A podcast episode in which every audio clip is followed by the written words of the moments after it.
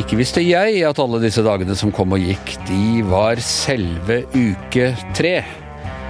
En uke hvor nå vi er på tredje dagen hvor Trump ikke lenger er president i USA, Thomas. Hei, Anders fra hjemmekontoret. Hei, Thomas fra VG-kontoret. Du, bare si at eh, da du ringte meg opp i sted, så eh, tok jeg ikke telefonen først. Det var rett og slett fordi jeg hadde ikke kledd på meg. Og selv om du ikke skal se meg, og gjesten heller ikke skal se meg, så uh, syns jeg likevel ikke at jeg kunne forsvare å sitte her uten klær. Nei. Det er jeg nesten glad for å vite.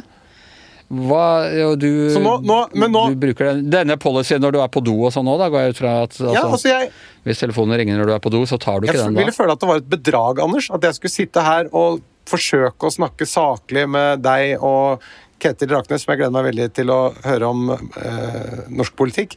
Eh, og så sitte her liksom da uten klær på meg, ville være et bedrag. Og nå føler jeg nesten nå har du skapt noen indre bilder hos meg som allerede virker litt forstyrrende. på, Nei, men på det, denne, de, de, de bildene de gjelder jeg, jeg har klær på. Jeg har klær på. Men at du er naken under klærne, er også nå satt i gang greier. og det, også, det, Anders, det er jeg ja, alltid. det er vi jo alle sammen innerst er inne.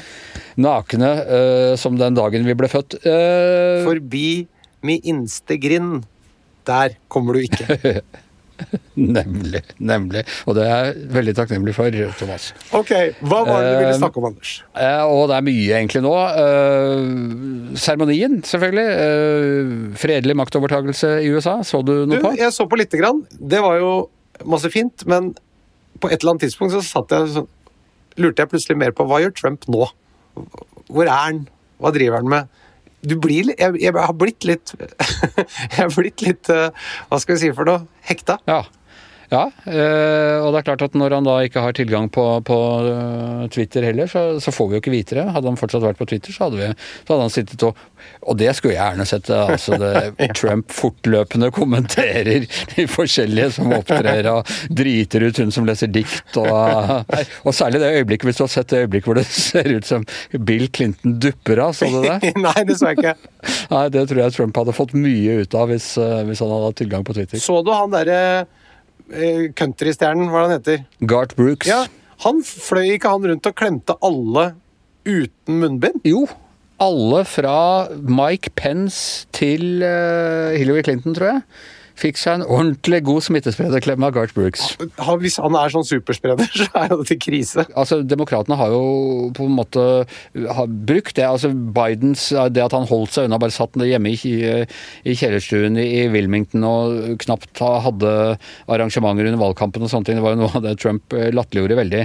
Og, og nå plutselig de klemte hverandre rund baut oppå det podiet. altså Riktignok med munnbind og sånne ting, men det var ikke den Og de satt også ganske tett. I hvert fall de der i, den forreste klyngen. Eh, Det var liksom bare Bernie Sanders som satt for seg selv med, med votter og ordentlig munnbind. Men ha- har ikke Biden har fått vaksine, har han ikke det? Jo, eh, det går jeg ut fra at eh, Og at flere av dem hadde fått vaksine og sikkert testa rett før og sånne ting. Hvorfor må Biden ha munnbind da? det er vel ikke Dette trodde jeg du kunne bedre enn meg. Det er vel ikke klarlagt at selv om du har fått vaksine, at du ikke kan smitte folk? Eller være smittebærer? Nei, det, det, det tror jeg du har helt rett i. Og, så, og, og det er heller ikke klarlagt hvor lenge vaksinen virker. Så jeg, er det sånn at man da ikke vet om vedkommende på andre vaksiner vi setter, om man da er smittebærer eller ikke? Er det tilfellet? Eh, vet ikke, Thomas. Her eh, spør du utenfor mitt kompetanseområde. Dette må vi finne ut av, Anders. Vi har en lang vinter foran oss, så, så vi kan sikkert få noen til å snakke om det. Men da tror jeg vi skal gå til dagens gjest. Og med det, altså velkommen til ukas gjest. Høyskolelektor og doktorgradsstipendiat. Tidligere politiker for eh, SV og statssekretær i Miljødepartementet. Ketil Raknes, velkommen. Takk skal du ha. Det er ikke første gang du er i denne podkasten. Du var vår ekspertkommentator og tallknuser under eh, USA-valget i høst. Ja, det gikk jo veldig, veldig bra. Det gikk veldig bra, så tenkte vi derfor at vi har invitert deg igjen. Da, for, Ja. for at verdenssituasjonen skal bli grad, gradvis eh, bedre. Ja. Du, Vi skal egentlig snakke om Arbeiderpartiet, eh, men vi må jo ta litt USA også. Um, Biden, jeg sjekka approval-ratingen hans mm. i går. 66 ja. Veldig bra. Mm. Hvor dypt vil den synke, og hvor raskt vil det gå? Nei, Det er vanskelig å si. Uh, det, hovedspørsmålet med Biden er jo Han har allerede et veldig godt utgangspunkt fordi at han har nådd langt inn i republikanske altså moderate og, og, uavhengige velgere i USA. Du må huske Trump var veldig sjelden over. så Han lå rundt 40% 45% hele tiden. Så han er jo allerede langt over det. Men så er det jo selvfølgelig sånn som mange har sagt Men han, selv Trump starta ganske høyt som bare den første ja, altså, uka? Altså, alle får liksom Han var litt over 50, ja. men han var ikke i nærheten av det Biden eh, nå. Men så er det jo sånn som alle sier, eh, Biden holdt en veldig fin tale om at nå må alle holde hverandre i hendene, vi må bli venner igjen, du må snakke med naboen. Og så gikk han inn etterpå og undertegnet 17 sånne executive orders som republikanerne var uenig i. Så, så, det er jo spørsmålet ditt det er jo egentlig når blir amerikansk politikk normal igjen? I den forstand at begge sider er like At Biden blir upopulær. Eh, men det kommer faktisk an på et annet spørsmål, nemlig om det republikanske partiet nå liksom går, går i oppløsning, eller om de klarer å samle seg om noe. For det er klart en kjempefordel for Biden at det nå er borgerkrig internt i det republikanske partiet. Tror du at de vil nå kvitte seg med Trump, eller tror du at han vil være deres neste kandidat? Hva, hva, hva tror du? Jeg, jeg tror at eh, jeg tror Trump ikke har noen sånn særlig muligheter for comeback nå, sånn som det gikk på slutten. Men jeg tror at de som overtar etter Trump, vil ligne på Trump. Rett og slett fordi det er det som er populært i partiet. Du ser de som nå liksom stemte for riksrett og sånn, de skal jo kastes ut av partiet eller fratas posisjoner og sånne ting. Men så er det et annet spørsmål da på lang sikt om disse moderate kreftene i partiet egentlig har noen mulighet til å slå tilbake. Og Det er den spesielle ting med amerikansk politikk, bl.a. primærvalg, som betyr at den som er mest gæren, alltid vinner. Så altså Det er de mest ideologiske som bestemmer hvem som skal på en måte være med. da. Så jeg tenker liksom på kort sikt litt sånn eh, Trump-fløyen vinner, på lang sikt eh, eh, vanskelig og, veldig vanskelig å si. Men, men en etterkommer etter eh, Trump i, i Trump retningen ja. sånn, hva skal vi si, ideologisk, ja. tror du. Men tror du også i form og uetterrettelighet at vedkommende vil ligne? Nei, jeg tror, vi, jeg tror vi får noe smartere og ondere.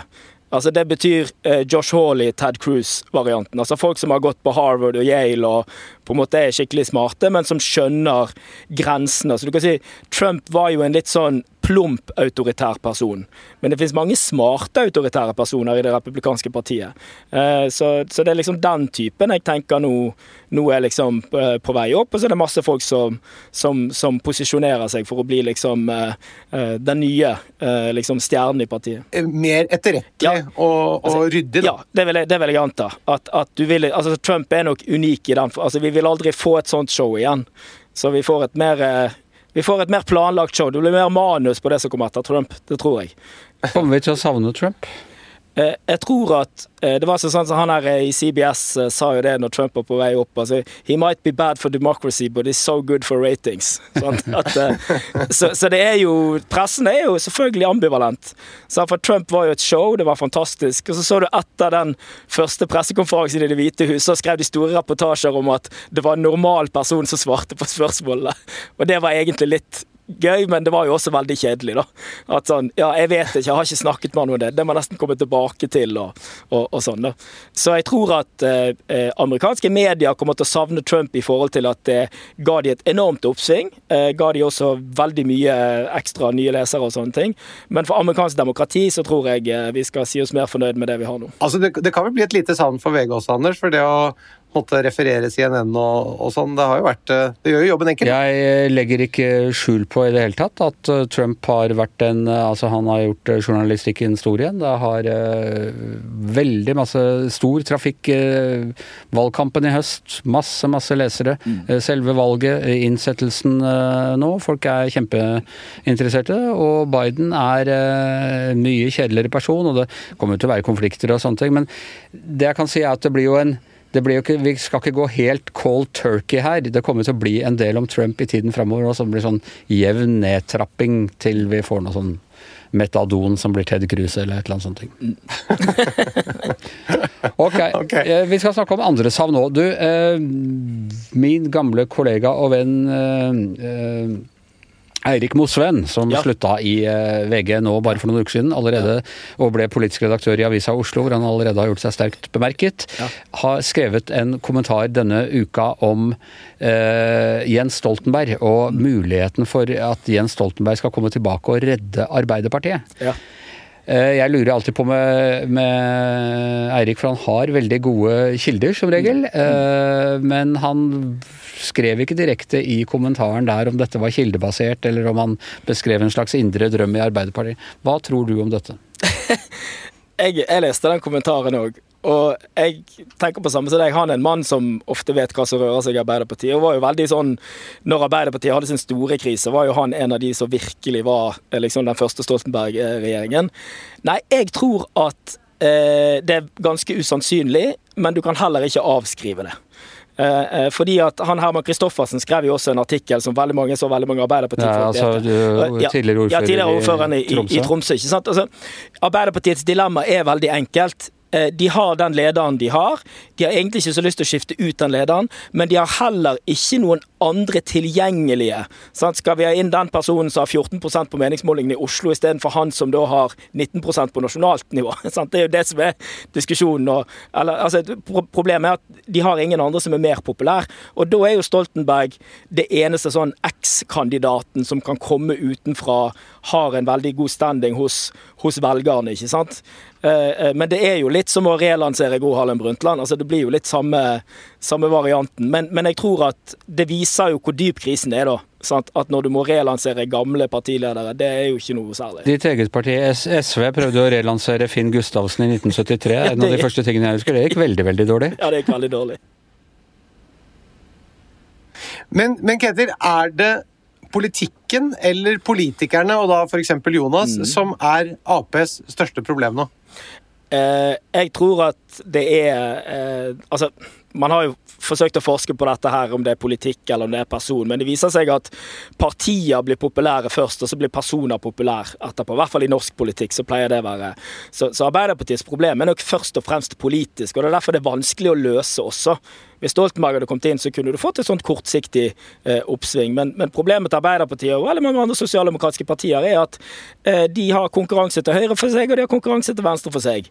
Eh, MDG, eh, SV, Rødt tar veldig mange radikale velgere, miljøopptatte velgere. Og så tar Høyre og Senterpartiet en del Senterpartiet tar en del lavt utdannede velgere som gjerne jobber og er i, i distriktene. Så tar Høyre en del høyt utdannede i byene. Så de lekker jo på, på, på begge sider. og det, det er vanskelig for de å plassere seg. Og det er ikke noe unikt ved Arbeiderpartiet. Dette ser vi jo sosialdemokratiske partier sliter med i veldig mange land. Og det er sånn damn if you do, damn if you don't, hele tiden. Men, men er ikke Danmark Er ikke sosialdemokratene der et unntak? Eh, Hvor de har kjørt da, hvis jeg forstår riktig, streng innvandringspolitikk og økonomien til folk flest? Ja, Veldig bra eh, at du spør. For du kan ta liksom OK, hva skal du gjøre hvis du er sosialdemokrat?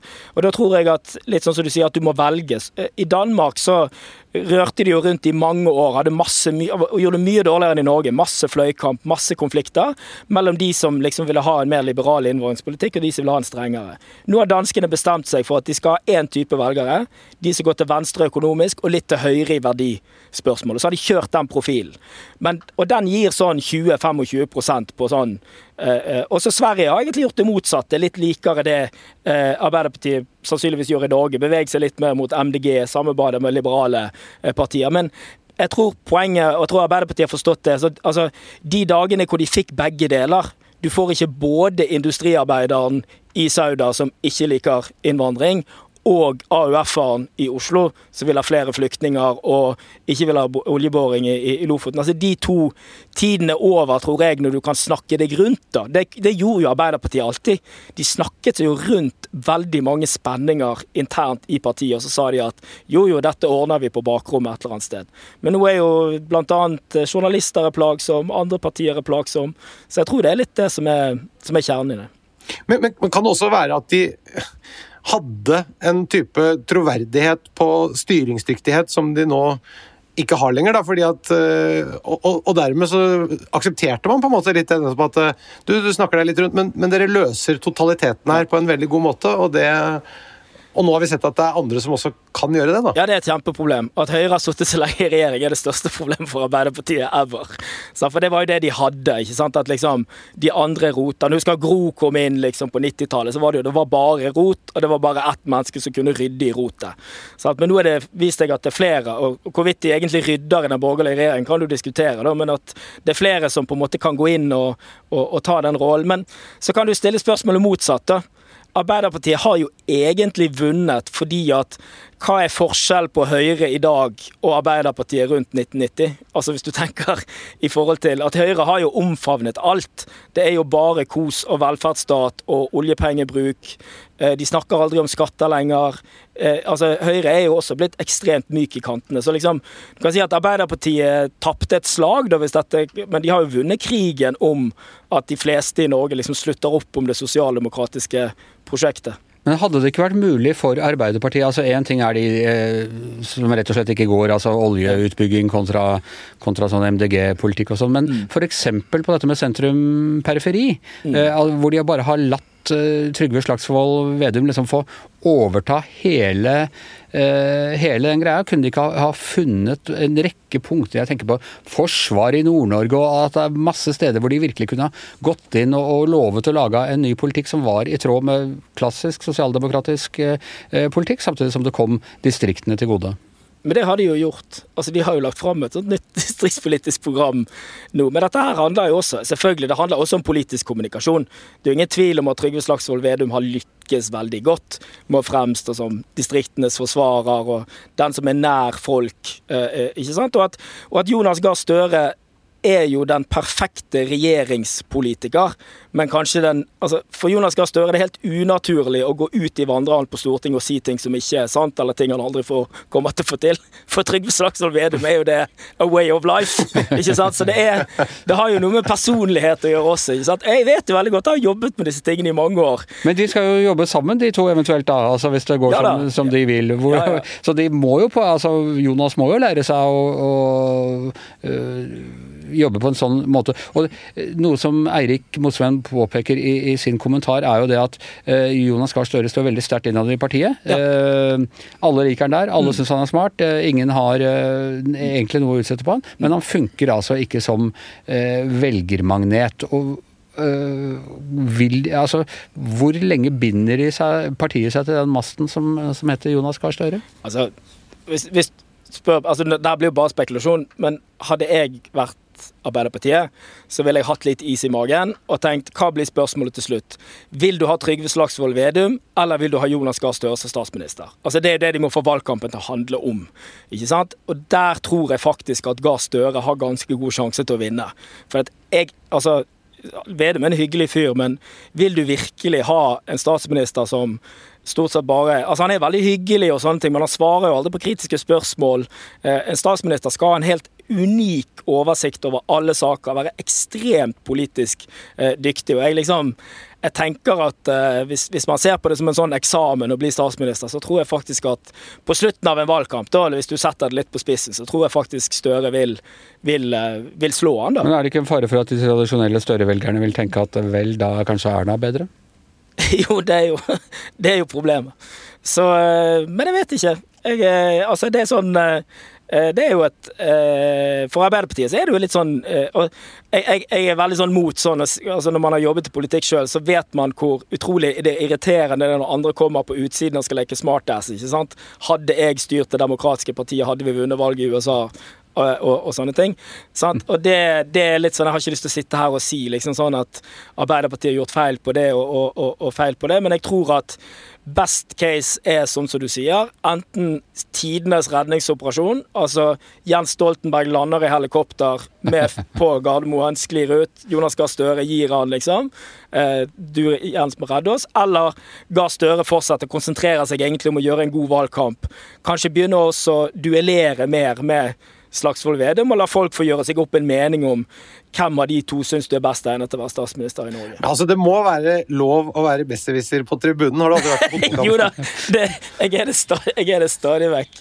Men hva, hva tenker du da, Thomas? Trygve Slagsvold Vedum mot Jonas Gahr Støre. Får vi høre din, eh, din liksom pro-out-kontra på det? Nei, jeg, jeg syns det ga veldig mening det du sa i det valget, men jeg, jeg syns jo samtidig at Anders også da eh, kommer med eh, et godt eh, oppfølgingspoeng, nemlig er det ikke like greit med Erna, da? Fordi, eh, og det tror jeg Vi har snakket om det tidligere også, at vi opplever litt at Erna har på en eller annen måte klart å ta den plassen som Arbeiderpartiet hadde. og nå er det liksom Den siste fliken av uenighet var den formuesskatten, og nå har Erna sagt at det blir ikke aktuelt å kutte den heller. og da da er det vel egentlig Da er det ganske Det, det var den siste sånn, hva skal vi si for noe, symboltunge mm.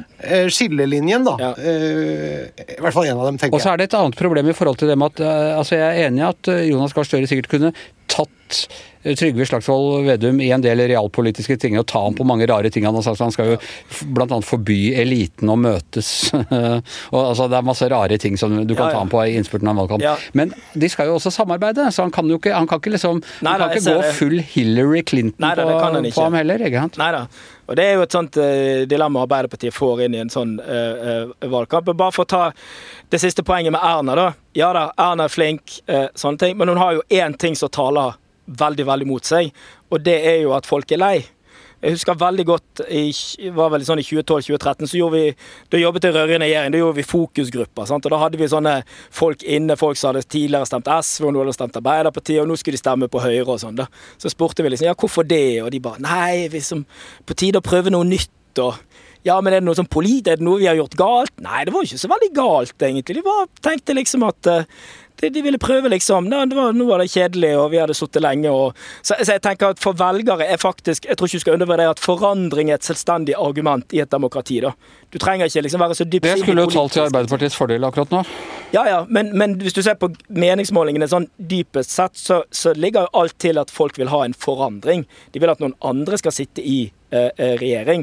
De bare tenker at Arbeiderpartiet skal kanskje ikke spille hovedrollen i den eh, regjeringen. Men det, det er hvis du ser på parti, eh, partifordeling, Ja. men, eller fordeling på partier, men, men er ikke Erna ekstremt eh, populær som statsminister og den som klart flest vil ha? Jo da, Til tross for at den har sittet veldig lenge? jo da. Jeg, jeg tror du er litt fan av Erna, Thomas. Jeg, jeg, jeg hører det litt sånn underliggende der ute at du, du, du, ligger, du ligger om natten og tenker det hadde vært kjekt om Erna fortsatte. Det, det hadde ikke vært så dumt. Du er litt trygghetsorientert, sant? Midt i koronaen, nå skal vi skifte. You can't change horse in the middle of the river. Det er det.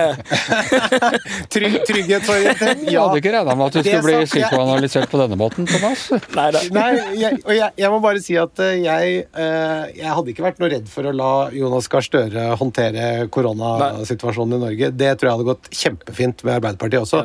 Så, men eh, nå prøvde jeg egentlig holde mine, mine egne preferanser litt utenfor og rett og slett bare spørre hva meningsmålingene sier om Erna. da. Ja, det, det, rikt, det du sier er riktig. At hvis du ser altså at hun er mer populær som, som statsministerkandidat. Men hvis vi går tilbake til 2013, så var jo bildet motsatt. ikke sant? Erna Solberg skulle konkurrere med Jens Stoltenberg, som på mange måter var en bedre debattant enn hun, og også var en eh, mer populær statsminister. Og Der, der kommer dette med parti og person igjen inn. da. At i Norge så stemmer vi først og fremst på for eksempel når jeg jobbet i SV, så var det jo ofte sånn at Kristin Halvorsen var jo mye mer populær enn SV var som parti. Så selv om 25% av befolkningen i Norge syntes Kristin Halvorsen var en hyggelig person, så stemte de ikke på henne. Så det, Hanna Kvanmo var Norges mest populære Ja, ja, fikk, politiker i alle år, mens eh, SV fikk- var det minste og fikk 4,5 sant? Så, det, så det er ikke noe Ja. Men bare la oss rydde opp litt her. Ja. fordi En ting er å si populær som person og si de syns hun er en hyggelig person, men spørsmålet i denne meningsmålingen jeg eh, viser til, er om hvem du vil ha som statsminister. Ja. Og det, det, da er Erna også veldig populær i den rollen. Ja da, eh, det er hun. Eh, men jeg tror ikke man skal legge for mye i Altså, jeg tror ikke at, at Høyre kanskje får noen ekstra velgere på det, men for mange velgere så er ikke det statsministerspørsmålet som er det som liksom eh, Og i og med at de velger jo egentlig ikke statsminister heller, for det er noen partiene som forhandler om det til slutt allikevel, da. Så, så du kan få Men jeg tror liksom Stoltenberg typisk så jeg alltid noen velgere som sa liksom at de ville ha Stoltenberg som statsminister, og derfor stemte de rød-grønt. Så du kan få en sånn effekt, og det ser du nå, det at Høyre ligger godt over 20 er nok delvis også fordi at folk syns at hun gjør en, gjør en, god jobb, da. Så, det, så, der har de en fordel, helt klart. Men er, er det ingen i eh, Arbeiderpartiet som har på en måte den stilen og en politisk overbevisning og retning i ryggraden som gjør at de kan klare å kommunisere den eh, politikken til Arbeiderpartiet på en måte som gjør at de får flere velgere? Én ting er nå, men de må jo også tenke fremover, for dette har jo åpenbart vært noe de har forsømt seg på tidligere. da. Altså, Den som ville vært perfekt, spør du meg, da, til å gli inn nå, det var jo han som Altså Bjarne Håkon Hansen. Dette hadde jo vært Pølse-Hansens liksom tid. Eh? Altså, han er fra Han er ekstremt folkelig politisk veldig Og jeg skjønner jo ikke Det er mange som ikke forstår hvorfor han ga seg den gangen han ga seg. Han, han var jo kronprinsen. Han var jo kronprinsen i partiet. Så, så, det er jo liksom det jeg tenker altså Hadde du spurt meg nå, er jo bare liksom sånn Det, det var jo et enormt tap for, for, Arbeiderpartiet at han gikk ut. Og han ville vært den perfekte kandidaten på mange måter nå, fordi at han har den distriktskredibiliteten eh, som de på mange måter trenger. Han er veldig flink med folk. Han er ikke en sånn akademikerpolitiker som kanskje er litt det som kritikken mot ledelsen i Arbeiderpartiet nå egentlig eh, eh sonderer rundt. da. Så, så, så det Kanskje det. PR, PR-Hansen gjør comeback. Det, det, hadde jo vært bra. Fra pølser til PR og tilbake til partiet. Jeg må si eh, det der var et veldig godt godt forslag, ja, men, uh, men, dessverre helt umulig. Da. Det er det de gjorde i USA. Hvem av de gamle gutta kan vi finne som kan, uh, kan slå Trump? Jo. Men det er klart, for, for, si hva du vil, altså Gahr Støre har veldig mange styrker, men jeg tror at Pølse-Hansen hadde vært sterkere mot Vedum enn Gahr Støre. Jeg er helt enig. Ja, jeg tror, jeg tror han hadde matcha han bedre. Så kan du ta en annen ting. sant, at det, Altså, jeg, jeg, kjenner jo Gahr Støre. Han er en veldig dyktig person, veldig hyggelig og, og, alt det der. Men det er klart at Arbeiderpartiet er jo en sånn bevegelse som legger veldig vekt på at du er født og oppvokst der. Ikke sant? Og der er det klart at Han er jo på en måte en som har kommet der fra, fra utsiden. og Folk som har jobbet i politiske partier, vet jo det at partiet er jo liksom som organismer. ikke sant? Du må liksom kjenne til disse organismene. Og Der har han jo selvfølgelig en, liksom en, et, et, altså et, annet utgangspunkt enn mange av sine forgjengere. Han har ikke liksom tråkka, han har ikke vært på skolevalg, han har ikke liksom tråkka sine barneår på folket. Og det, det merket du jo på Stoltenberg. Stoltenberg hadde jo alltid en ekstremt god følelse for hva som rørte seg i Arbeiderpartiet. Det hadde han. Til tross for at han ikke akkurat vokst opp i en industriarbeiderfamilie? Ja, til tross han, til tross for alle han, Men han var vokst opp i, beve, vokst opp i bevegelsen, ikke sant? Som Gro Harlem Brundtland. Som Gro Harlem Brundtland, ja. ikke sant? Og der er det jo, selv om både Brundtland og Stoltenberg og Støre på mange måter er klassiske akademikerpolitikere for sosialdemokratiet, så jeg tror det er viktig å huske på at de har en annen type bakgrunn. Og litt av Gahr Støre sine utfordringer kan nok av og til være koblet med at han ikke har den der eh, pulsen på hva som skjer på, på grasrota i, eh, i Arbeiderpartiet. Da. Han er ikke blodslekt? han er inngifta. Eh, ehm, bare også forholdet til, til, LO. Det er bare 30% av LO-medlemmene nå som stemmer Arbeiderpartiet. Det var jo den store Det fagpolitiske samarbeidet var jo liksom ja. fagbevegelsen, fagbevegelsen, fagbevegelsen var det store. Vil det få konsekvenser? At det ikke er støtte i LO til Arbeiderpartiet på samme måte som tidligere? Ja, altså, for, vi, ja.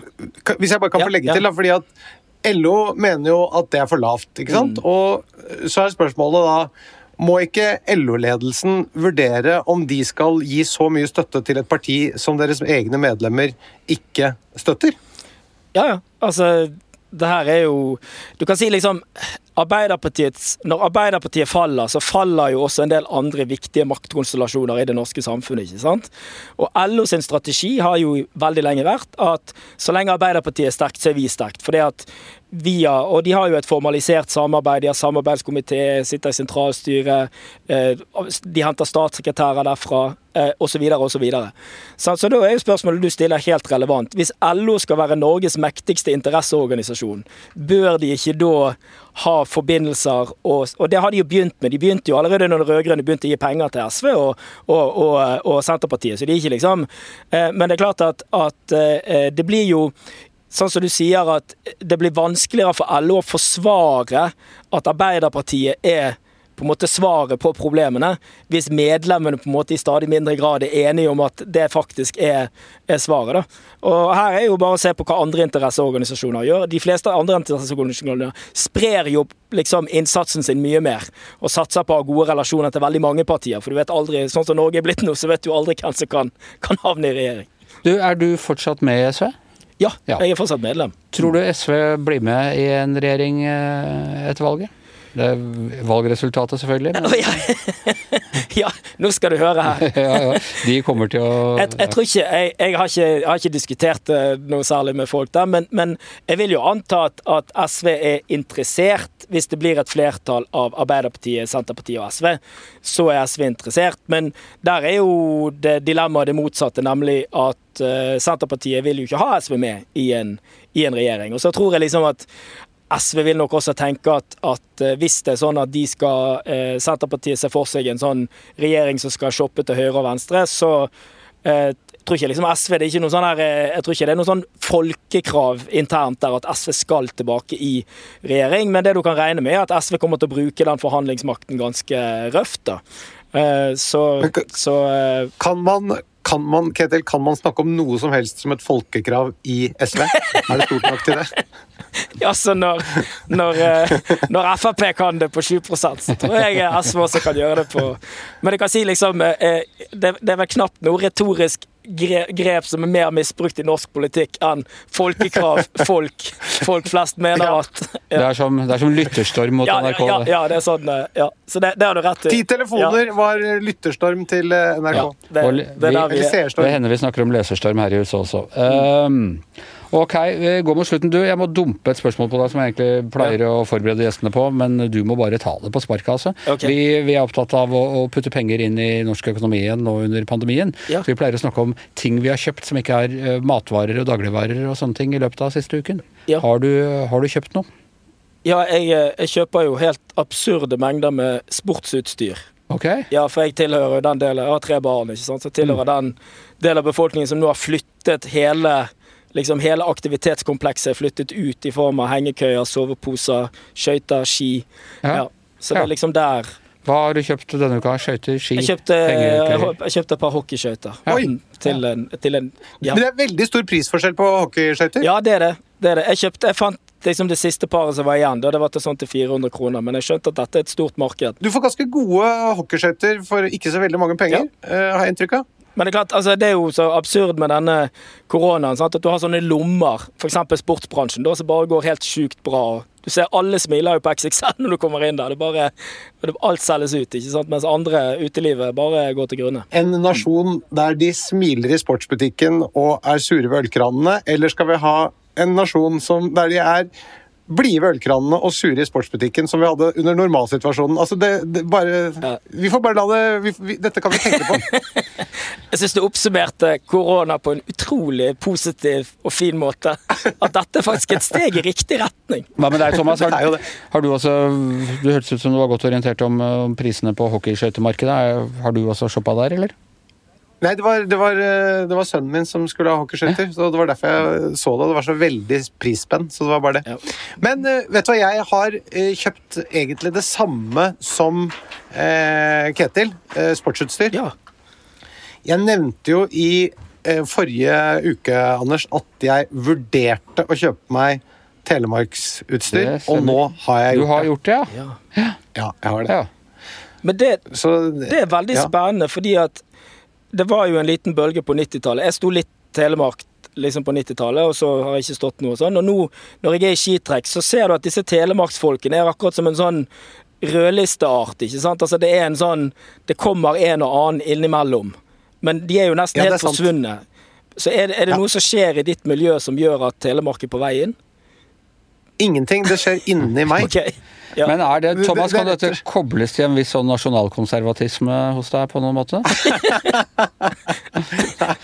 Det er, det er rett og slett en, den romantiske og nostalgiske delen av meg som Jeg kjørte også Telemark eh, på 90-tallet, samme som deg, Ketil. Ja. Men, eh, og så har jeg ikke vært i alpinbakken siden den gang. Jeg bare går langrenn. Ja. Og så har nå barna eh, insistert på at jeg må være med, og da prøvde jeg først litt slalåmski, Ja. og så tenkte jeg dette skjønner jeg hvorfor jeg slutta med, og da må jeg tilbake til Telemark. Så nå skal jeg prøve det i helgen for første gang. Det er veldig spennende. For min, min variant var at jeg tok på slalåmski og tenkte det er veldig deilig å stå på de skiene. Meg på Telemark nå, det blir utrolig slitsomt og veldig svett.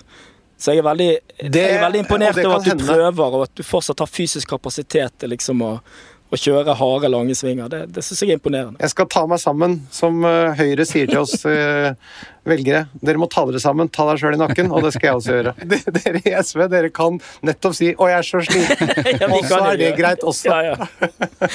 Men Anders, hva har du kjøpt, da? Nei, eh, Thomas, denne uka har jeg ikke kjøpt noe som helst. Virkelig ingen annen ting enn husholdningsartikler. Men jeg, jeg føler at jeg flyter på den der løpemaskinen jeg kjøpte forrige uke, at den, den var så dyr at det gjelder for to uker. Du har ikke engang kjøpt ny sånn stropp til å ha rundt uh, armen som, Nei, den, som, som nei, den holder helt fint, den jeg fikk for to uker siden. Så jeg ser ikke noen grunn til å, til å bytte ut den. Nei, ta og bare kjenn litt grann på lukta den, og hvis det lukter, så syns jeg du skal spandere på deg en ny en, og ikke minst også på den norske økonomien en ny en. Ja. Nei, takk for dette rådet eh, til både personlig hygiene og, og nasjonaløkonomien. Og med det så er eh, Giæver og Gjertsen slutt for denne gangen. Her i studio Ketil Raknes og Anders Giæver. I hjemmestudio Thomas eh, Gjertsen. Og mannen som har kommet tilbake uke etter uke etter uke for å redde en uh, podkast i fare, er vår produsent Magne Antonsen.